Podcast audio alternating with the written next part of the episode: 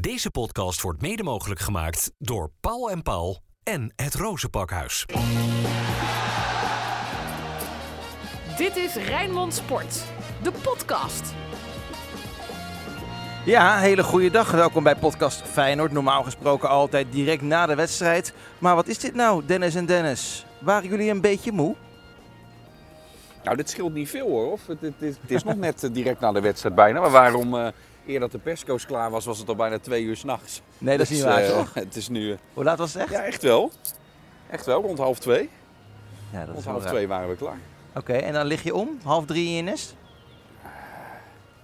Eh, nee, rond, eh, rond tweeën. Rond tweeën waren we terug op de kamer. Ah, kijk. Nee, het duurde lang en Mourinho ging zelfs cadeautjes uit, eh, uitdelen. Van zo'n klein Conference League sleutelhangertje richting Joep Schreuder. Dus ja, als we allerlei van dat soort clownesk gedrag ook eh, hebben, dan, eh, dan loopt het allemaal even uit. Hè. Maar Ja, kniezoor die erop let, Frank. nou zo is het. Wel een beetje apart allemaal, hè, na afloop eh, zo'n sleutelhangertje. Of was het wel grappig? Nou, ja, het was wel het was grappig bedoeld, maar het kwam ook een beetje kleinerend over natuurlijk wat, eh, wat, eh, wat Mourinho daar deed. En dat Ja. had natuurlijk ook een beetje te maken met eh, ja, dat, eh, die persconferentie al van vorige week. Toen eh Schreuder al wat dingen aan hem had eh, gevraagd hè, van de NOS. Daar was het al een beetje zo van, ja, als ik een wedstrijd verlies, zei Mourinho, dan huil ik niet. Jullie huilen nu al tien maanden om die verloren Conference League finale. Ja, daar had hij waarschijnlijk over nagedacht. Want hij zei al van, we spreken elkaar volgende week weer. En eh, nou, daar had hij dus een sleutelhanger eh, gehaald bij, bij de fanshop, denk ik. En eh, die meegenomen eh, broekzak. Om die vervolgens bij de persconferentie op een eh, bepaald moment uit te delen. Dus dat wel iets, eh, ja, het had iets eh, grappigs, maar het had ook wel iets eh, een beetje kleinerends eigenlijk. Ah ja, precies. Net zoals dat eh Schreuder tegen Kukje had gezegd. Eigenlijk ben je niet zo'n groot talent. Ja, dat vond ik ook op zich wel een, eh, een bijzonder. Dat ik zelf ook zoiets even na moest denken van, nou, volgens mij ben ik best wel een groot talent. volgens mij heeft Kukje daar ook best wel gelijk in, dat hij inderdaad gewoon een heel groot talent is. Eh, dat was een beetje, ja, een beetje ongemakkelijk. Ja. Hey, eh, waar zitten jullie nu bij, jongens? Want jullie vliegen strakjes terug. Even de situatie schetsen. Jullie zitten in een hotel. Op het da- ja, we zitten boven op het eh, hotel, eh, op het eh, dakterras, waar we nu een ontbijtje voor ons hebben staan. Een eh, bak koffie. Nog even de laatste zonnestralen hier op ons laten schijnen. En dan eh, gaan we om eh, 10 uur de taxi in. Om vervolgens richting eh, de luchthaven te gaan. Waar we dan eh, rond eh, half 1 weer terugvliegen. Rood, wit, bloed, zweet. Geen woorden maar daden. Alles over Feyenoord. Maar we gaan het eerst nog eventjes hebben over die wedstrijd tegen AS Roma. Weer dat AS Roma. Dennis, Eersel. Ja, ongelooflijk hè. Het zit wel in al die wedstrijden steeds heel dicht bij elkaar. Dat was in 2015 zo. Wat langer geleden inmiddels eh, natuurlijk. Hè. Ja, in de Conference League finale hebben we nog vers op het geheugen staan. Vorige week dan wel gewonnen, maar steeds alles, eh, alles nip met één goal eh, verschil. Ja, en, en toch ook steeds dat het uiteindelijk in het voordeel van dat AS Roma uitslaat. En dat is natuurlijk wel een beetje frustrerend moet ik zeggen. Ja, is dat ook een beetje het gevoel wat nu overheerst? Frustratie? Ja, ook wel moet ik toch zeggen naar de trots van Tirana. Hè, dat had jij toen heel mooi daar in eh, de hoofdstad van Albanië al met supporters die dat zeiden. Ik zei het ook meteen in het verslag toen in dat stadion keek ik naar dat legioen. Toen dacht ik, ja, dit is wel een prachtige campagne geweest. Dat dat gevoel van trots meteen naar boven kwam. Eh, dat had ik nu ook wel een beetje, al was het legioen niet in het stadion erbij. Want ja, een jaar na het bereiken van de finale van de Conference League... zo'n campagne op Europa League niveau eh, neerzetten is lang geleden voor Feyenoord. Dus ook dat moet ik zeggen, los van die frustratie en de teleurstelling zit dat er toch ook wel weer een beetje bij. Hoor, dat ik Ja, heel een beetje vind toch? wat Feyenoord Europees al langer laat zien. Ik vind dit wel een hele andere trots dan destijds in Tirana, moet ik eerlijk zeggen hoor. Zeker. Dus eh, uiteindelijk is het natuurlijk maar het, eh, kwartfinale met alle respect. Nee, absoluut, absoluut. Kijk, vanaf een halve finale en finale komt dat nog meer. Maar ook dit, dat je groepswinnaar worden in, eh, in je pool. Met, een- met een 7-1 de kwartfinale bereiken. Er zo dichtbij zijn op een paar minuten na. Eh, het hoeft niet, niet zulke trots als in Tirana. Maar het is wel knap wat Feyenoord heeft laten zien, toch? Dat, dat kunnen we Oh, er ook, nee, nee, eh, zeker. kunnen Nee, ook nee, zeggen nee. en dat gevoel erbij pakken. Jawel, jawel. Alleen ehm, destijds kwam Feyenoord echt vanuit het niets. En nu zit Feyenoord in een proces eh, wat nou ja, mogelijk nog lang niet klaar is. Dus dat, daarom vind ik het een ander soort trots. Ik snap wel dat, dat je een soort van content kan terugkijken op, de, op die Europese cyclus. Maar het is wel anders, dat gevoel. Heb, je, of heb jij dat niet, eh, Kranenburg? Nou ja, wat we vooral ook niet moeten vergeten is dat na die vorige succesvolle eh, Europese campagne met die Conference League finale, dat er daarna wel heel veel spelers ook weg zijn gegaan. Dus er zijn weer heel veel nieuwe gekomen. Je moet echt met een nieuw team gaan beginnen. En als je dan in een Europees toernooi, een hoger Europees toernooi, eh, het weten te schoppen tot de kwartfinale en zelfs op de rand van de halve finale stond, dan denk ik dat je gewoon heel erg trots kan zijn. En met heel veel trots kan terugkijken op wat je dit seizoen neerzet. Hè. Met zo'n nieuwe groep kampioen worden, met zo'n eh, eh, met zo'n hele nieuwe groep de halve finale van de beker halen. Ja, en met zo'n hele nieuwe groep uiteindelijk ook bijna de halve finale van de Europa League halen. Dus ik denk dat je gewoon, dat je gewoon echt wel trots mag zijn. Waarom was het net niet goed genoeg? Omdat de bank bij AS Roma net iets sterker en, was qua eh, spelers die er nog ingebracht konden worden dan bijvoorbeeld bij, eh, bij Feyenoord. Ze hadden daar gewoon sterkhouders als eh Dybala en Abraham op de bank gehouden. Om, als het niet nodig zou zijn, die jongens te sparen voor de competitie. Die ook gewoon heel belangrijk is natuurlijk voor AS Roma, want ze moeten daar Champions League halen. En met eh, de punten die weer terug zijn gegeven aan Juventus staan ze nu niet ineens derde, maar vierde. Want ze zijn een plekje nu gezakt na die rechtszaak. Ze krijgen zelf ook nog allerlei gedoe over zich heen bij AS Roma. Afgelopen week eh, algemeen directeur ontslagen. Eh, ze krijgen ook nog een eh, onderzoek naar transferfraude en dat soort toestanden allemaal.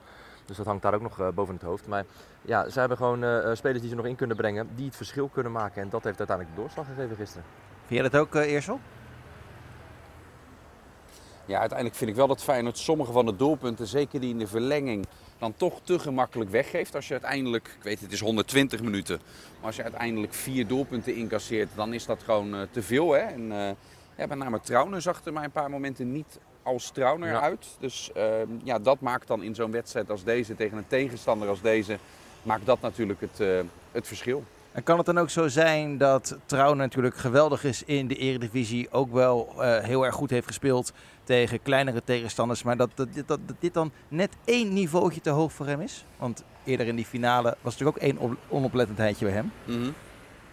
Ja, en dat zien we voor de rest niet bij hem. Dus misschien heb je daar gelijk in dat dit dan net eh, boven zijn niveau is. En voor de rest de Eredivisie ja, echt gewoon zijn, zijn piekniveau is. eh, waarin hij het echt heel erg goed doet. Het was sowieso een interessante wedstrijd om te zien hey, wie onder deze weerstand eh, houdt, dan wel, eh, hou- houdt dan wel zijn eigen gebruikelijke niveau. Hè? Wie, wie, wie vallen er dan op? Wie springen eruit? Nou, dat vind ik wel Ja, interessant. Laten we daar dan even een dingeltje bij instarten dan, eh, Dennis.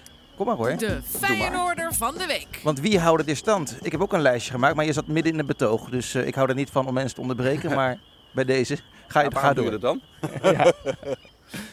nou, er waren een paar, vond ik, die, eh, eh, die echt wel ook op dit niveau lieten zien daar echt in mee te kunnen. Orkon Kuksu vind ik gewoon van Champions League niveau. Die heeft het inmiddels al, eh, al vaker laten zien. Maar in dit tweeluik was die echt weer heel, erg, heel erg groot. Dus die, die kan zelfs nog meer aan dan het, dan het Europa League niveau. Ik vond Justin Bijlo bij deze wedstrijd echt met een paar wereldreddingen zich onderscheiden.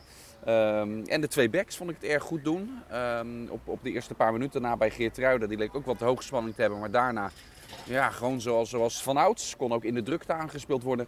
Ja. En Quilincy Hartman wil ik erin eh, noemen om een, eh, om een pluim te geven. Want als je kijkt hoe die zich ontwikkeld heeft van eh, de wedstrijd hier tegen Lazio in september. En wat hij dan nu ook in deze wedstrijd laat zien.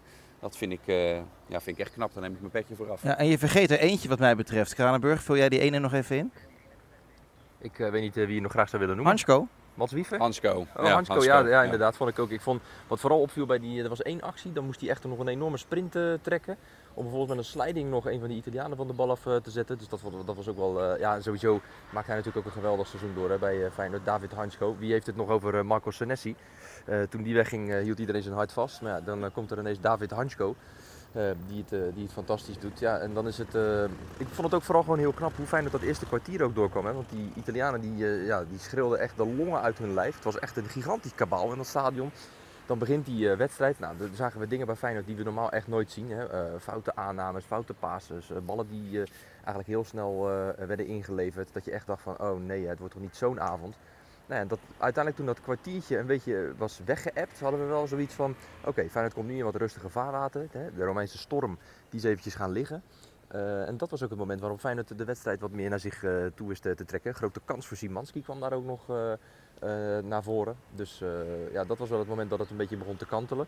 Maar ja, wat ik dan alleen, ja, dan kan je die jongens ook niks kwalijk nemen. Hè, maar eh, als je bijvoorbeeld kijkt naar, eh naar Jiménez, daar zijn we nog altijd van gewend. Hè? Loopacties eh, maken, eh, gevaarlijk zijn voor het doel, proberen ruimte voor jezelf te creëren. Ja, en op dit niveau, met bijvoorbeeld zo'n Smalling die dan eh, daar bovenop staat, ja, die geeft je gewoon geen centimeter ruimte. Dat zijn ook wel de momenten waar hij dan uiteindelijk weer van, eh, van leert. Hoe dat op dit niveau gaat, want dat, ja, tegen Cambuur krijg je ruimte. En zondag tegen Utrecht krijg je ruimte. Tegen RKC, of, nou, noem, noem alle clubs maar op. Ja, tegen AS Roma, met gasten die zo ervaren en gelouterd zijn. Ja, is dat toch een, eh, vraagt dat toch weer eh, iets anders. En wat je ook merkte trouwens, vond ik in die wedstrijd. Vorige week, Kuksu kreeg toen best wel veel ruimte. Hè. Die kon door eh, ja, wat slimme omzettingen, kon die zichzelf constant uit laten zakken. Was die veel inspeelbaar. Ja, en daar hadden ze wel vandaag al wat, of gisteren dan, wel wat meer op gerekend. om ervoor te zorgen dat hij in ieder geval niet in zijn spel kon komen. Dat lukte uiteindelijk wel, want Kuksu speelde een prima wedstrijd. Maar je merkte wel dat ze daar wel anders op ingesteld waren. Jij, eh Eersel, deed eh, de persconferentie na afloop. Ging het ook eventjes over Jiménez en die rode kaart. En toen zei jij van ja, dan Ja. gaat hij straks de, de Champions League missen. Maar hij was weer een beetje geïrriteerd. Vriend Slot. ja, dat, doet- dat doet hij elke keer eh, bij mij. Ik heb nog niet de status van Valentijn Driessen bij hem qua irritatiegraad. nog niet. maar ik, ik doe mijn best alleen dan, dan met de, de te positieve insteek, eh, zeg maar. Nee, ja, dat is ook een beetje een spel eh, wat dat is. Want hij wil gewoon nog niet uitspreken dat Feyenoord al, kampioen is. Omdat die buit nog niet binnen is, snap ik ook wel. Maar eh, daar gaan wij van Rijnmond natuurlijk lekker niet aan meedoen. Dus Feyenoord gaat de Champions League in als, als aanstaand kampioen.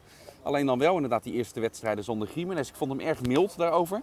Ik vond het best een domme actie eigenlijk, als ik, eh, eh, als ik eerlijk ben. Is, is het allemaal zo snoeihard? Nee. Maar je ziet hem wel eventjes het been doorstrekken naar de knie. Je zit in het VAR-tijdperk. Er zit wat irritatie bij. Ik kan het me allemaal voorstellen.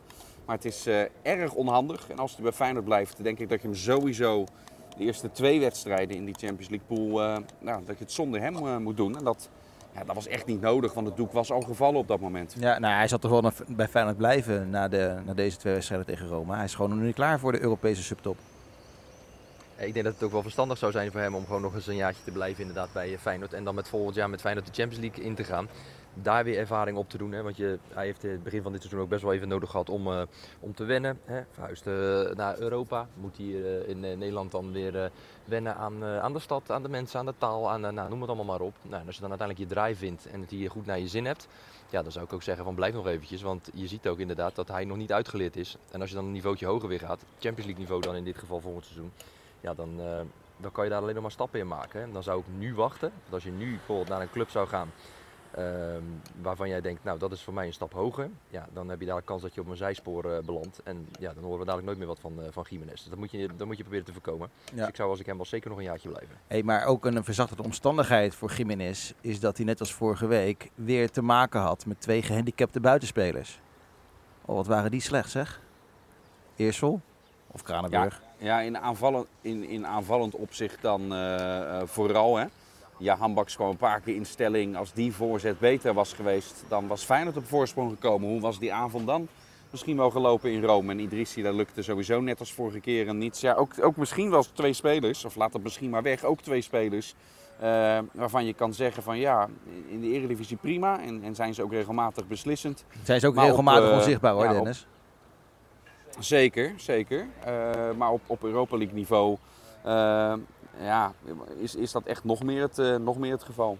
Ja, dus Ik moet er... over Jaanbaks nog, hè, Frank, Mhm. als ik daar nog wat over mag eh, zeggen. Vooruit. Die had een, een aantal, keer een eh, actie waarin Feyenoord gevaarlijk kon worden. Maar ik vond hem ook inderdaad met qua balbezit en aannames echt heel slordig. Ja. De, de beginfase viel dat een paar keer op. Hè. De ballen die hij van zijn voeten liet springen, die over de zijlijn heen gingen. Ballen die makkelijk naar voren werden getrapt of in werden geleverd. Daar vond ik hem echt opvallen dat ik dacht van, denk, oeh, die gaat vandaag zijn dag niet hebben. Nee. Dat, dat merkte je, vond ik redelijk in het begin al. En dan kan je een paar goede ballen geven. Maar ja, als je er dan drie goed geeft en je geeft er uiteindelijk twaalf niet goed. Ja, Nou ja, uiteindelijk was de beste actie van Jaanbaks in die twee wedstrijden tegen AS Roma dat hij die bal van Wieven net niet raakte. Ja, ja, inderdaad. Hey, eh, wat wel Ja. een zorg, zorgenkindje gaat worden, denk ik, eh, eh, Dennis en Dennis, is dat er nog altijd helemaal niks bekend is over een technisch manager. Nou, technisch directeur gaat het sowieso niet komen. Eh, zou Ja. het kunnen zijn dat Dennis de Kloese dit gewoon helemaal zelf wil doen? Dat hij die eh, functie gewoon in eigen portefeuille wil houden? Nou ja, hij is nu natuurlijk al betrokken hè, bij eh, de transfers. eh, bij afwezigheid van inderdaad een technische man. Ja, en dan moet je nu gaan kijken eh, van ja, wat, wat wil je nu eigenlijk? Hè? Want ze zoeken nu dus iemand, eh, geen technisch directeur, maar een technisch manager. Ja, dan moet je wel gaan kijken, want vaak zijn het wel zo de mensen die zo'n technisch directeurschap aan willen gaan. Dat zijn vaak wel de mensen die eh, eh, ook dan echt zeggenschap willen hebben, die ook echt gewoon verantwoordelijk kunnen zijn. Ja, bij technisch manager mag je vooral wel uitvoeren, maar heb je geen eh, bevoegdheid. Dus dan moet je altijd weer toestemming vragen en overleggen met in dit geval dus Dennis de Kloeze. Dus ja, dan kom je ook wel weer in een andere categorie. Want de mensen waarvan je zegt willen, die zouden normaal als technisch directeur eh, aan worden genomen, die zeggen nu van ja, wacht even, ik ga niet een stapje terug doen, nu technisch manager zijn. En de mensen die technisch manager willen zijn, ja, dan moet je je afvragen of die misschien dan geschikt kunnen zijn voor de functie. Ja, maar hoe zorgelijk is het dat we nu al zoveel maanden wachten op duidelijkheid hierover? Je moet toch eh, ook richting volgend seizoen aan het nadenken zijn? Ja, dat is absoluut niet goed. Hè? Eh, dat zorgt toch ook weer voor een, voor een, voor, voor een onrust terwijl het sportief zo'n geweldig seizoen is. Dit duurt al veel en veel te lang. Uh, ja, het zegt denk ik ook dat, kijk, Feyenoord kan wel willen afstappen van dat technisch directeurschap en voor een technisch manager gaan. maar de capabele mensen die al wat bewezen hebben op dat vlak, ja, die gaan hiërarchisch denk ik niet daarbij instappen. Dat heeft dit jaar wel, wel bewezen, al dat Feyenoord niemand kan vinden. Ja, en de mensen die dat misschien wel vinden, willen, ja, die zijn misschien wat te licht voor, voor Feyenoord. Dus ja, op een gegeven moment kun je ook, ook op het punt dat je misschien maar moet heroverwegen of dit dan wel de juiste aanpak is. Want je hebt helemaal gelijk, Frank. Er staat serieus werk voor Feyenoord te wachten. Ehm, met misschien weer spelers die weggaan. Dat moet allemaal ook weer vervangen worden. Feyenoord moet klaargemaakt worden voor, voor de Champions League. En misschien een keertje een prolongatie van de titel. En ja, dan moet dit gewoon op orde zijn. Welke posities zouden, als, je, als jij nu eh, de technische baas eh, zou zijn, eh, Dennis, welke positie zou je sowieso gaan versterken? Er gaan een paar huurspelers weer weg, dus daar zou je ook weer, weer vervanging voor, voor moeten hebben. Ik denk dat het allerbelangrijkste is dat dit Feyenoord, en dan ga ik er even uit dat je het bij elkaar houdt. Hè? Want als iemand vertrekt, dat moet je dan weer nou, vervangen. ja, dat precies. Is nog, en dan gaan natuurlijk mensen vertrekken. Geen, dat is nog geen versterken. Ja, maar dat is nog geen versterking.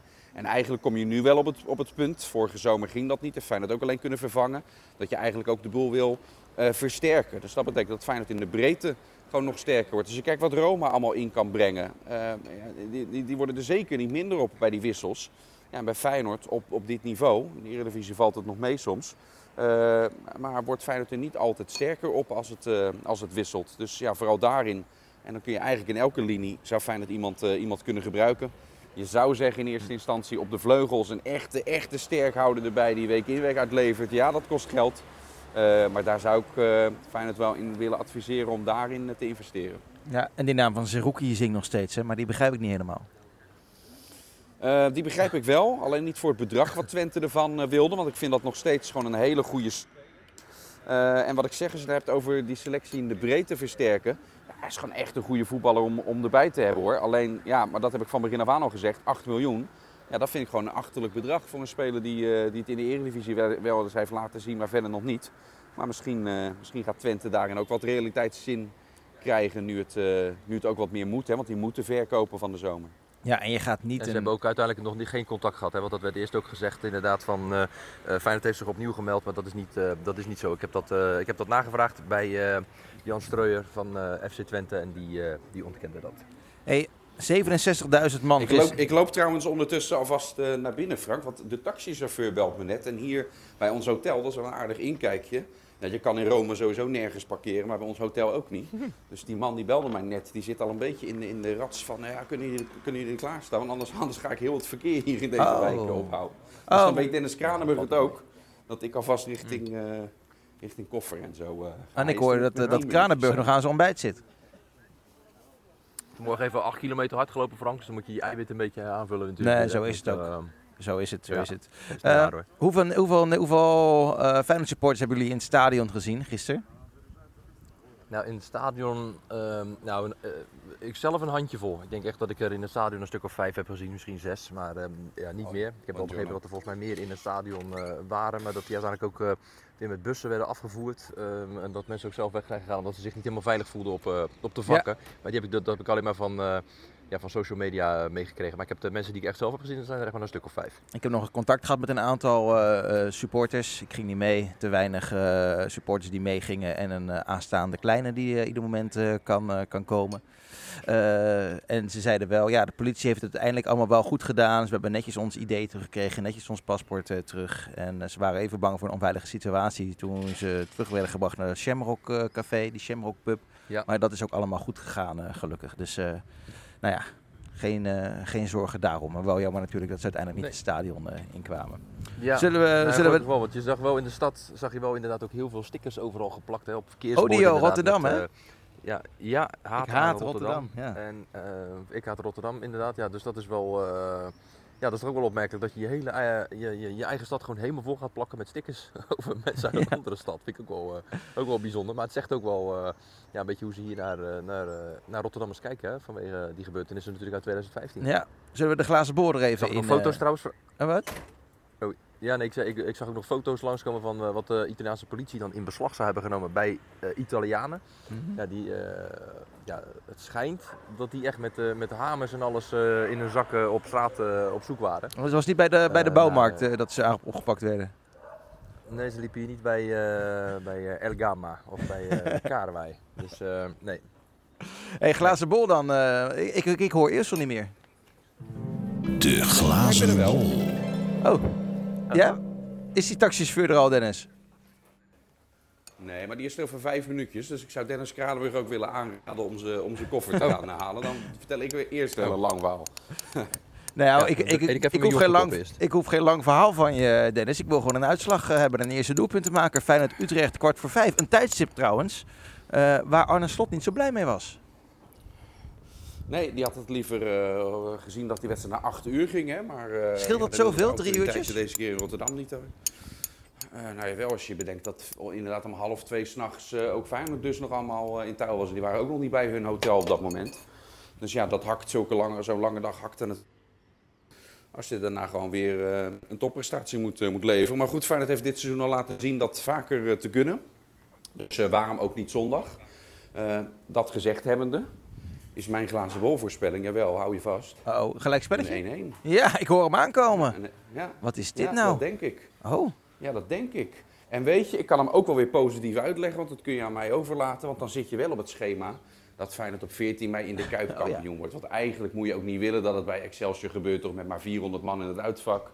Eh, en maar nog ik denk, meer, ik denk dat er een paar supporters ook wel op de thuisvakken zullen zitten. Maar ik kan ernaast zitten. Maar... Ja, dat, nou, dat zeg je goed, een paar. Maar je weet ook hoe klein Woudenstein is. Zelfs al zouden er alleen maar Feyenoorders zitten, dan nog is het te klein en te weinig. Dus het zou voor iedereen ook heel fijn zijn. Eigenlijk als die wedstrijd tegen Go Ahead het eh, wordt. Feyenoord weet wel waar het aan toe is. Hè? Want voor de wedstrijd tegen Utrecht heb je eh, PSV Ajax. Als dat een gelijk spel is, dan weet Feyenoord bij een overwinning. Liggen ze op eh, pole position, staan ze op matchpoint voor die wedstrijd op, eh, op Woudenstein. Ja, Eh, maar nogmaals, dan moet Feyenoord zelf ook maar winnen. En Feyenoord is echt diep moeten gaan. Hè? En, en Utrecht, ook organisatorisch, hebben ze het weer wat meer op orde dan de weken hiervoor. Dus dat gaat helemaal niet zo makkelijk worden als, als het denkt. zou dus eigenlijk wel lekker zijn, een gelijkspel. Ja, toch? Nou, heb je, gaat uiteindelijk kampioen. Nee, een overwinning is natuurlijk het mooiste. Toch wel, oké. Hey, 1-1, dan moet je ook het eerste doelpunt te maken zeggen.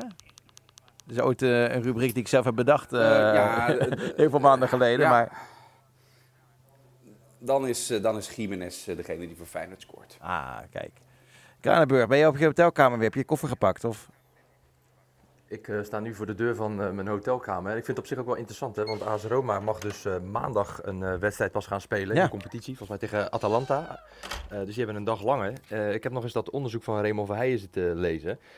Dat als je dus gewoon minder tijd hebt tussen zo'n donderdagwedstrijd en een zondagwedstrijd, dat je dus minder tijd hebt om te herstellen, dat er gewoon echt procentuele kans is, eh, minder kans is dat je een wedstrijd ook gaat winnen. Dus ja, hoe meer tijd daartussen zit, hoe beter je kunt herstellen en hoe beter je dus uiteindelijk voor de dag kunt komen. Dus ik snap wel dat, eh, ja, dat daar wat irritatie over, eh, over is. Ehm Feyenoord-Utrecht, dat was uiteindelijk jouw vraag. Ik denk dat Feyenoord die wel gaat winnen. 2-1. En de eerste goal die wordt gemaakt door... Nou, laat ik hem dan... eh, de man die eh, niet zo'n hele beste beurt maakte. Ali Reza Jabaks. Kijk, Die gaat zo'n eh, revanche halen. hartstikke goed. Hartstikke goed. Ik zeg eh 3-1 Feyenoord, Kukshu met een, eh, met een eh, strafschop. Ja, ga jij nou Ja, opeens als toch weer mee? Jij staat zo ver achter inmiddels in deze, in deze... Nou, ik denk dat de eerste competitie. speelronde zal ik wel goed gehad hebben. Ik weet alleen niet, niet meer wat de Ja, eerste speelronde was, jongens. Dat weet je wel. Kom op. Dat is, zo, dat is zo lang geleden, Frank, dat... eh, Weten da- jullie da- ook niet we meer? kijken niet meer terug. hè. We kijken alleen maar vooruit. Oh, is dat het? Is dat het? tuurlijk, tuurlijk wel. Maar die, had, maar die had jij niet goed hoor, die eerste speelronde. Wat was het ook alweer? Dat was Vitesse, dat was Vitesse Feyenoord 2-5. Nou, je kan mij veel vertellen. Nee, dat had ik niet goed, had jij nee. niet goed aan de voor. Ja, dat is niet goed. hey, mannen, eh, jullie vliegen rond. Het middaguur terug. Half één. Half één, Ja. inderdaad. En dan FC Rijnmond met, eh met Eersel aan tafel. Bas van Noordwijk. Ja. En Thomas als, van eh, Haar. als de files tussen Schiphol en Rotterdam en in onze prachtige stad eh, meevallen. We hebben zoveel banen vrij dankzij eh, prachtig beleid in Rotterdam. Dus we zullen vast eh, zullen we op tijd zijn. Ik bespeur hier helemaal geen enkele cynische ondertoon. Hè? Dat die, al die banen in Rotterdam eh, vrije doortocht geven. Wereldstad Rotterdam, die eh, goed bereikbaar is. Waar je eigenlijk eh, ja, zelden vast staat. Hè? Ik weet dat eh, Dennis niet eh, de grootste supporter is van eh, Judith Bokhoven en haar GroenLinks hier eh, in de stad. Dus eh, goed. Hey, als jullie snel, snel dat- Dat terugrijden. je allebei goed zit. Jullie zeggen het. Ja, precies. Als jullie snel terugrijden, ik kreeg net een mailtje binnen. Er staat lekkers op de redactie omdat het suikerfeest is. Nou ja, als jij werkt vandaag Frank, dan zal het wel op zijn als wij dadelijk aankomen. Heerlijk. Eh, dat klopt. Dat klopt. Ja. Ja, dat, eh, ik moet nog wel even ontbijten. Dus dat, eh, ik ben benieuwd wat, wat er staat voor, eh, voor lekkernijen. Zullen we, zullen we er een punt achter zetten? Ja, laten we dat doen Frank, want de taxi staat voor de deur. Wij gaan naar het vliegveld. Ari Fedecci. Arrivederci. Ciao, fratelli. Ciao. Yo. Deze podcast werd mede mogelijk gemaakt door Paul en Paul en het Rozenpakhuis. Dit was Rijnmond Sport, de podcast. Meer sportnieuws op Rijnmond.nl en de Rijnmond app.